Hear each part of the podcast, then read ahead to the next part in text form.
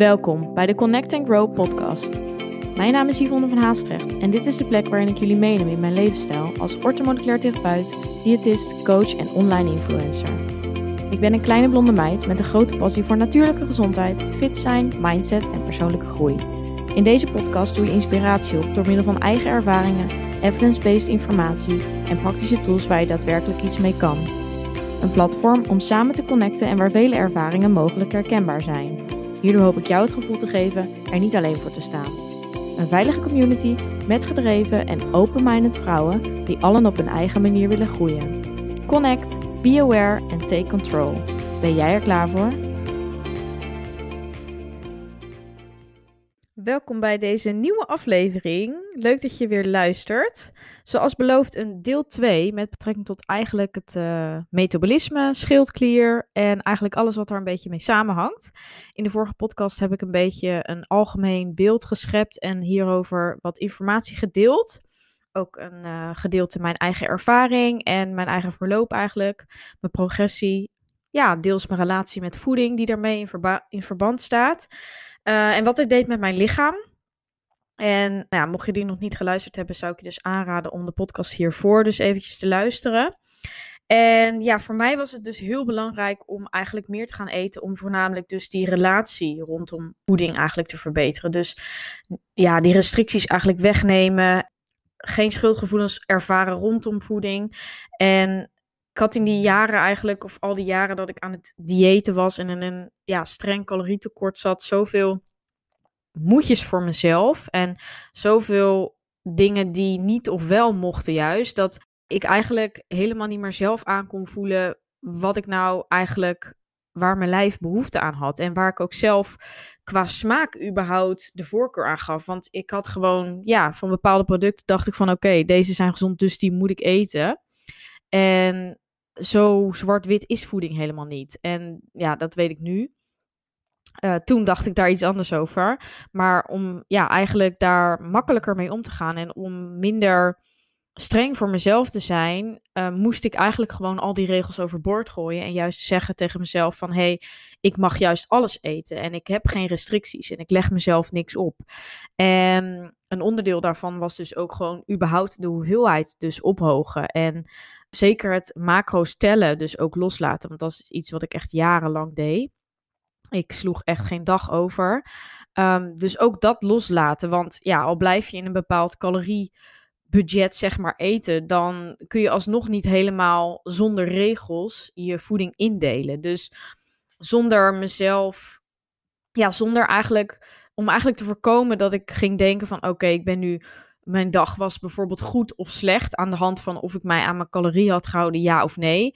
Dat wilde ik niet meer. Ik ging niet meer die cijfers of die getallen of dat calorieaantal bepalen hoe ik mij voelde die dag. En hè, als mijn lijf bijvoorbeeld aangaf dat ik honger had, dan luisterde ik er toen niet naar en dacht ik van hey, nou ja, hè, misschien wel juist fijn, om dan, omdat ik dan het soort van het gevoel had dat, uh, ja, dat mijn lichaam weer in gang gezet werd en dat ik daar dan van kon afvallen.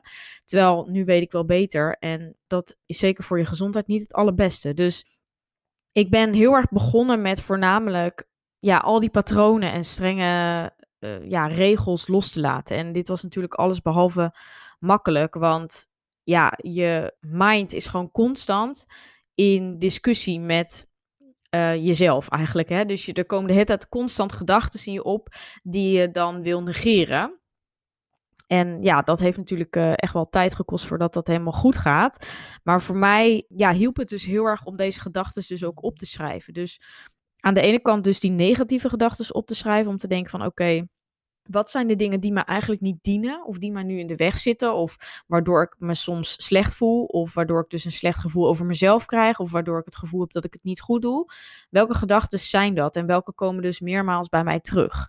En door die dingen op te schrijven kon ik het ene soort van van mij afzetten. Dus had ik een soort van het gevoel dat dat niet meer mij was, omdat het niet meer per se in mij zat, maar omdat het gewoon ja, gedachten waren die ik mezelf had aangeleerd. Hè? Ik had mezelf bepaalde dingen, ja, hoe zeg ik dat? Die, die, die gedachten die heb ik natuurlijk ooit aangenomen, of die zijn ooit bij mij ontstaan. En die heb ik als waarheid gezien. Terwijl misschien zijn die gedachten wel helemaal niet waarheid, want jij bent niet die gedachte. En dat heb ik wel vaker verteld. Ehm, wat dus ook daarbij kan helpen is om die gedachten, dus op bepaalde stemmen die je hoort of hè, die je uh, ervaart, om die stem of gedachte een naam te geven. Dus, nou, ik noemde mijn stem dan bijvoorbeeld Sophie. En als Sophie zeg maar opkwam en mij dingen ging vertellen, dan zei ik van, nou ja, dan dacht ik van, nou Sophie, hè, dit zijn gedachten die mij niet verder helpen. Ik ga me hier niet beter door voelen. Dus um, ja, ik heb je niet nodig. En prima als ze er zijn, accepteer gewoon dat die gedachten komen. Maar laat het daarna los. En dat is natuurlijk makkelijker gezegd als gedaan. Maar dat is echt trainen en vaker doen. En ik heb nog steeds af en toe dat soort gedachten. Maar dan probeer ik wel, zeker als je er dus een naam aan geeft. Dus dan probeer ik wel een soort van te zeggen van, nou, Sophie, bedankt voor deze informatie. Maar ik heb niks aan jou. Dus ik luister niet naar jou. Nou, zo. Dus dat is één ding wat mij heel erg geholpen heeft om daar heel veel over te schrijven. Ja, en die, die gedachten waren dan een soort van hè, negatief. Of in ieder geval iets wat, niet, um, wat mij niet diende. En ik schreef dus ook juist op waar ik dus wel naartoe wilde. Dus ik schreef dus ook nou ja, bijna dagelijks wel op hoe ik eigenlijk juist om wilde gaan met mijn lijf en met voeding en met hè, heel erg sporten, die moedjes voelen. Dus dan schreef ik bijvoorbeeld op van uh, ik wil geen regels rondom voeding ervaren. Ik wil vrijheid rondom voeding ervaren. Ik wil geen schuldgevoel voelen. Ik wil alles kunnen eten waar ik zin in heb. Ik wil um, zelf niks misgunnen. Ik wil gewoon koolhydraten kunnen eten. Ik wil uh, rust pakken van het sporten wanneer ik daar behoefte aan heb. Nou, al die gedachten, alles waar ik naartoe wilde, dat schreef ik dus ook op. En zeker als ik merkte dat op bepaalde vlakken ik het even lastig had of dat ik daarmee struggelde, dan ging ik daar nog dieper op in. En dan voornamelijk ook jezelf de vraag stellen van waarom wil je dat? Want als jij weet waarom je het wil, dan ben je ook zeker meer gemotiveerd en heb je meer voor ogen waarom je het doet. Dus voor mij was dat heel belangrijk dat ik dus dat metabolisme weer wilde helpen ondersteunen. Ik wilde mijn gezondheid ondersteunen. Ik wilde me weer energiek voelen. Dus wat zijn alle positieve effecten van het feit dat jij die regels gaat loslaten?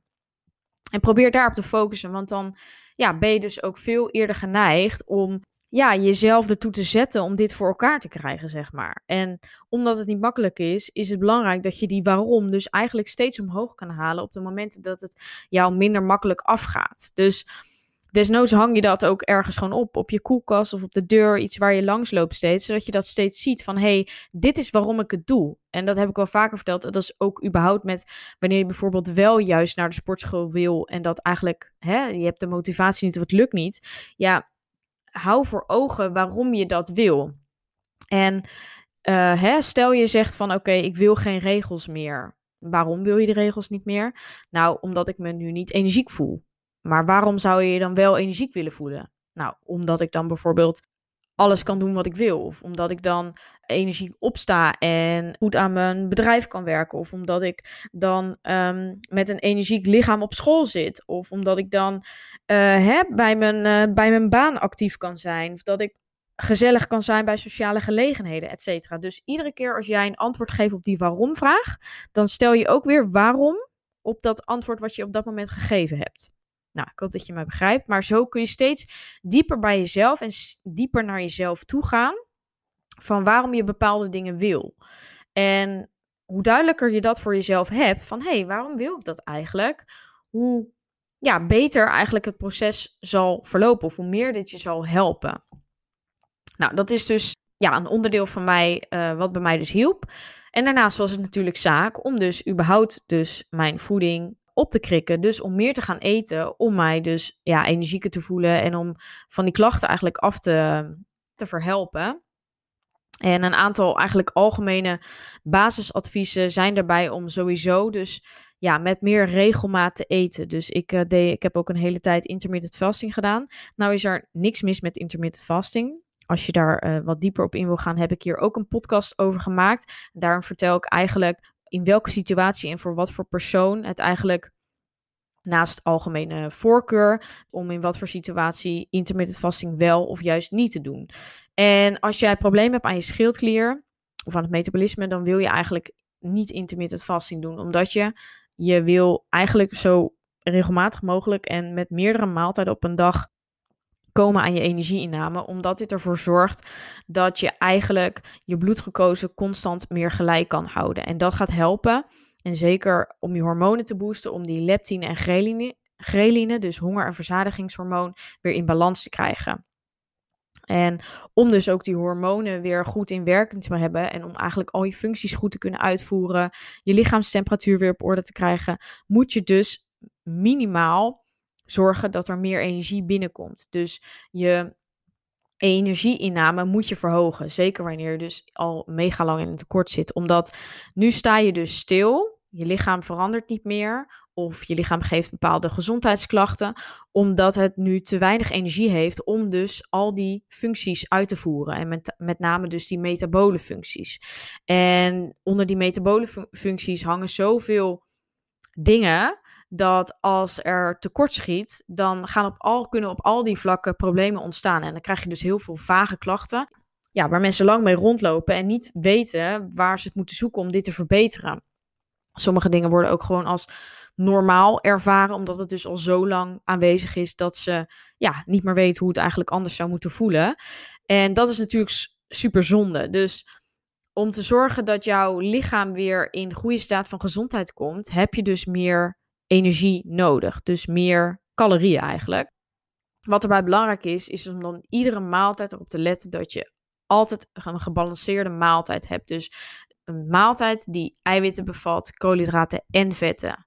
Omdat dat er dus ook weer voor zorgt dat die bloedglucose in balans blijft. En dat zorgt ervoor dat je bloedglucose niet daalt, waardoor je ook niet enorme dipjes en uh, ja, verschil in energie over de dag of gedurende de dag ervaart. Je gaat er ook beter van slapen. Cortisolniveau, stresshormoon, wat eigenlijk natuurlijk te veel wordt uitgescheiden wanneer je lichaam onder te veel stress staat. Uh, wat vaak de oorzaak is dus van een, uh, een schildklier die minder goed werkt of het metabolisme dat vertraagd is. Dat hangt samen met te veel stress. En je wilt in die situatie zoveel mogelijk stressoren voorkomen. Dus te lang zonder eten en je bloedglucose die te ver daalt, is dus ook een stressfactor voor je lichaam. Hetzelfde geldt dus voor te veel sporten, omdat uh, sporten ook, ook tijdens het sporten, meestal na 30 minuten, maakt je lichaam ook cortisol aan. En als je al uh, van, ja, in de basis al te veel stress aanwezig hebt in je lijf, dan kan dat te veel zijn. En dan is je herstel ook veel minder goed, kun je afvalstoffen veel minder goed uitscheiden, werkt je lever minder goed, dus et cetera. Zo geeft dat ook weer allemaal klachten. Dus in dat geval wil je juist minder intensief of minder lang trainen. Dus uh, hè, je kunt eerder denken aan gewoon bewegen in de zin van wandelen of misschien wat yoga of pilates, maar niet te intensief. En er zijn natuurlijk superveel uh, vrouwen die of ellenlange cardio training doen of, of veel hardlopen of juist superveel in de krachtsport um, uh, ja, aan krachtsport doen. En daar is niks mis mee. Maar soms moet je je wel afvragen of het nog gezond is als er dus gezondheidsklachten aanwezig zijn. En als je lijf dus onder te veel stress staat. Dus probeer daar ook even bij jezelf naar te kijken. En daarnaast is het natuurlijk zaak dat je überhaupt de stress, mogelijke stressfactoren in jouw leven, dus met, met name dus ook gedachten en emoties, dat je die ook aanpakt. Dus de oorzaak van die stress is het allerbelangrijkste. Dus waar komt stress in jouw leven vandaan? Bewust of onbewust hebben wij natuurlijk allemaal wel stress. Maar eh, ja, te langdurig zorgt voor chronisch um, stress en dus ook chronisch cortisol aanmaak. Wat er dus voor zorgt dat die bijnieren overbelast raken. En wat die schildklier dus eigenlijk ten goede doet. Dus dat is een beetje wat er gebeurt. En dan zit je eigenlijk in een hele visuele cirkel waar je heel moeilijk uitkomt. Dus uh, stress zorgt ervoor dat je schildklier, je, je organen worden aangetast. Hormonen raken uit balans, et cetera. Maar andersom is het feit dat jij uh, klachten ervaart en die bijvoorbeeld hè, je, je uh, je, neem, je krijgt opeens gewichtstoename, wat onbedoeld is. Je hebt niks veranderd. En je gaat daardoor nog harder je best doen in de zin van minder eten of nog meer sporten. Maar dan voeg je juist alleen nog maar extra stressfactoren toe. Wat het eigenlijk nog veel erger maakt. En dat is dus wat bij veel mensen gebeurt. En daardoor uh, houden ze het dus ook vaak niet vol. Of die klachten breken op een gegeven moment op. Wat ik dus zelf uh, had. Ik kon het wel volhouden, maar ja, mijn lichaam zei gewoon op een gegeven moment uh, uh, dit gaan we niet doen. Uh, nu ga je te ver. Dus ja, zo En dat is eigenlijk een hele slimme reactie en een hele fijne reactie van je lijf. Want je wilt ook dat jouw lichaam eigenlijk er altijd alles aan doet om jou overeind te houden. Dus eigenlijk het feit dat dat metabolisme wordt vertraagd en dus minder goed werkt. Dat is natuurlijk een manier om energie te sparen en om te zorgen dat de energie die die binnenkrijgt, dat dit vasthoudt om dus eigenlijk die basale functies te kunnen blijven uitvoeren. En ja, zolang dat eigenlijk in die overlevingsstand te lang wordt gedaan, dan ga je natuurlijk op een gegeven moment inleveren op je energie. En dat is wat er dan uiteindelijk gebeurt. En ja, ik ga nu een beetje van de hak op de tak, maar ik hoop dat ik hiermee een beetje heb uitgelegd wat het dus ja, wat, waar het dus een beetje vandaan komt en wat je er dus mee kan doen. Het is dus echt belangrijk om meerdere maaltijden per dag te eten die gebalanceerd zijn. Met dus uh, koolhydraten, eiwitten en vetten. Uh, gelijk eten binnen 30 minuten voordat je wakker wordt. Omdat je daarmee dus voor zorgt dat niet die bloedsuikerspiegel te ver daalt. En te verdalen van je bloedglucose zorgt er dus voor dat je meer stress ervaart. Dus er komen extra stressfactoren op je lichaam. Daarnaast wil je op letten dat je dus niet te lang en te intensief traint. Daarnaast is het heel verstandig dat je dus ook koolhydraten blijft eten, omdat ja, met diëten of een calorie, in een calorietekort zitten wordt vaak, worden vaak koolhydraten als eerst geschrapt of naar beneden gehaald. Maar die schildklier die gaat juist goed op koolhydraten. Dus om die schildklier actief te houden en te maken, wil je juist ervoor zorgen dat je koolhydraten blijft eten. En kies dan natuurlijk wel voor de juiste. Dus ga voor complexe koolhydraten. Maar natuurlijk ook fruit is een hele goede. Uh, in combinatie met dus eiwitten en vetten. Omdat je dan dus weer zorgt dat die bloedgekozen in balans blijft. Daarom zeg ik, koolhydraten zijn goed. Eet ze in combinatie met eiwitten en vetten. En niks aan het handje. Dus um, ja, koolhydraten zijn belangrijk. Daarnaast slaap, super belangrijk. Want dat is het moment dat je lichaam herstelt. Zorg dat je eigenlijk 10 uur is optimaal. 10 uur in bed ligt. Uh, ik zeg altijd maximaal 11 uur. Maar zorg dat dat bioritme goed zit. Omdat ja, naarmate de avond wil je dat je cortisolniveau daalt. En uh, wanneer je nog heel actief blijft en eigenlijk over je bioritme of in de nacht eigenlijk te lang opblijft, dan raakt dat bioritme verstoord en word je dus ook minder energiek wakker. Zorg ervoor dat je voldoende calorieën inneemt. Dus uh, hè, mocht jij 1200, 1300, 1400 calorieën zitten, misschien zelfs minder. Ik hoorde van de, week, van de week iemand die zei: Ik zit op 1000 of 1100 calorieën. Dat is echt veel te weinig. Dat is voor een kind van drie jaar. Die moet al zoveel eten om überhaupt te kunnen functioneren. Die in zijn bed ligt de hele dag. Een baby. Kan je nagaan wat wij nodig hebben om alles te doen wat we moeten doen. Dus Zorg ervoor dat je voldoende eet. Ik zeg 1800 tot 2000 calorieën per dag voor vrouwen, minimaal. Mannen ligt dus nog hoger. Um, zeker als je klachten ervaart, moet je dit minimaal binnenkrijgen om dat weer, ja, om je lijf eigenlijk te herstellen en te voeden, wat, te voeden met wat het nodig heeft. Dus je hoeft natuurlijk niet per se dus die calorieën bij te houden. Let er vooral op dat je altijd eet totdat je vol zit. Eerder stop je gewoon niet. Eet dus wel gewoon langzaam en bewust. Dus zorg ook dat je eet zonder afleiding. Om te zorgen dat je je lichaam beter gaat aanvoelen. Um, langzaam eten, goed kouden. Ook voor die spijsvertering is dat heel goed natuurlijk. Zodat je lichaam echt die voedingsstoffen goed kan opnemen. En nou ja, dan dus eten totdat je vol zit. En uh, wanneer jij voelt dat je weer honger hebt, dan ga je wat eten. En dat hoeven geen grote maaltijden te zijn. Maar uh, ga liever bijvoorbeeld voor vijf tot zes kleine maaltijden op een dag of kleinere maaltijden. Met dus wel voldoende uh, energie. Zorg dat je hoofdmaaltijden koolhydraten, vetten en eiwitten bevatten. En wanneer je voelt dat je meer nodig hebt, dus honger of niet verzadigd bent, ga meer eten. Want dat is, ja, luister naar je lichaam. Je lichaam geeft het zelf heel goed aan.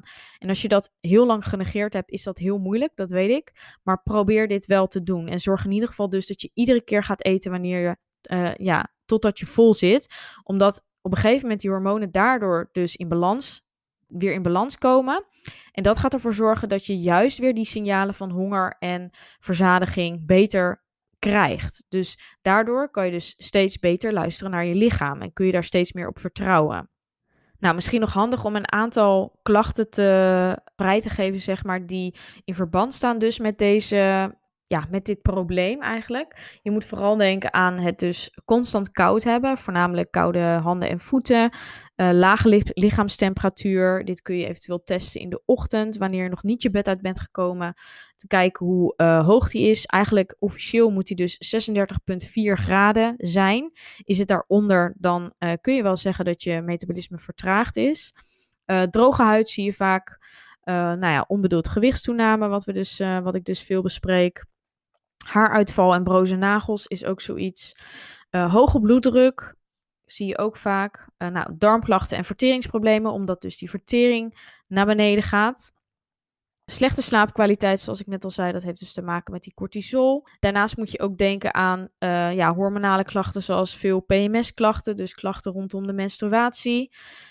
Energietekort is natuurlijk een algemene. En uh, ja, wat ertoe leidt, is dat je ook natuurlijk je gemoedstoestand heel erg wordt beïnvloed. En op den duur dus ook je immuunsysteem gaat falen en minder, ja, eigenlijk verzwakt is. Uh, waardoor ook weer de lever minder goed werkt. Nou, et cetera, et cetera. Dus je hoort al wel dat het een enorm belangrijk systeem is eigenlijk in je lijf om dit op orde te hebben. En Eigenlijk is dat met elk systeem in je lijf. Alles moet goed werken om natuurlijk uiteindelijk een goede gezondheid te hebben. Maar dit staat wel in verband met heel veel uh, factoren. En het is dus iets waar heel veel mensen onwetend last van hebben. En dat is gewoon zonde. Dus ik probeer gewoon um, uh, wat meer aandacht aan te geven. Zodat je misschien daar wat bewuster van kan worden. En dat helpt ho hopelijk jou ook. Ik hoop dat het een beetje een duidelijk verhaal is. Ik heb niet echt iets voorbereid. Dus het is misschien een beetje van. Uh, het gaat een beetje heen en weer met niet echt een duidelijke tijdlijn, zeg maar. Maar ik hoop dat ik in ieder geval. Ja, dat de info alsnog waardevol is. Laat het mij vooral weten als je meer vragen hebt. En ja, ik ga dit um, onderwerp zeker nog uh, verder toelichten. Bedankt voor het luisteren. Vond je dit een leuke aflevering of ben je geïnspireerd geraakt? Deel dit dan met anderen of maak een screenshot en deel dit via stories op Instagram. Superleuk als je mij hierin tagt. Elke vorm van support waardeer ik enorm. Laat bijvoorbeeld ook een review, sterren of een reactie achter. Meer connectie, volgen wat ik doe of info over wat ik bied? Je kunt mij vinden op Instagram, Yvonne van Haastrecht. Tevens een directe link van mijn website in de show notes. Ik wens jou een hele fijne dag of avond en tot de volgende keer. Doei!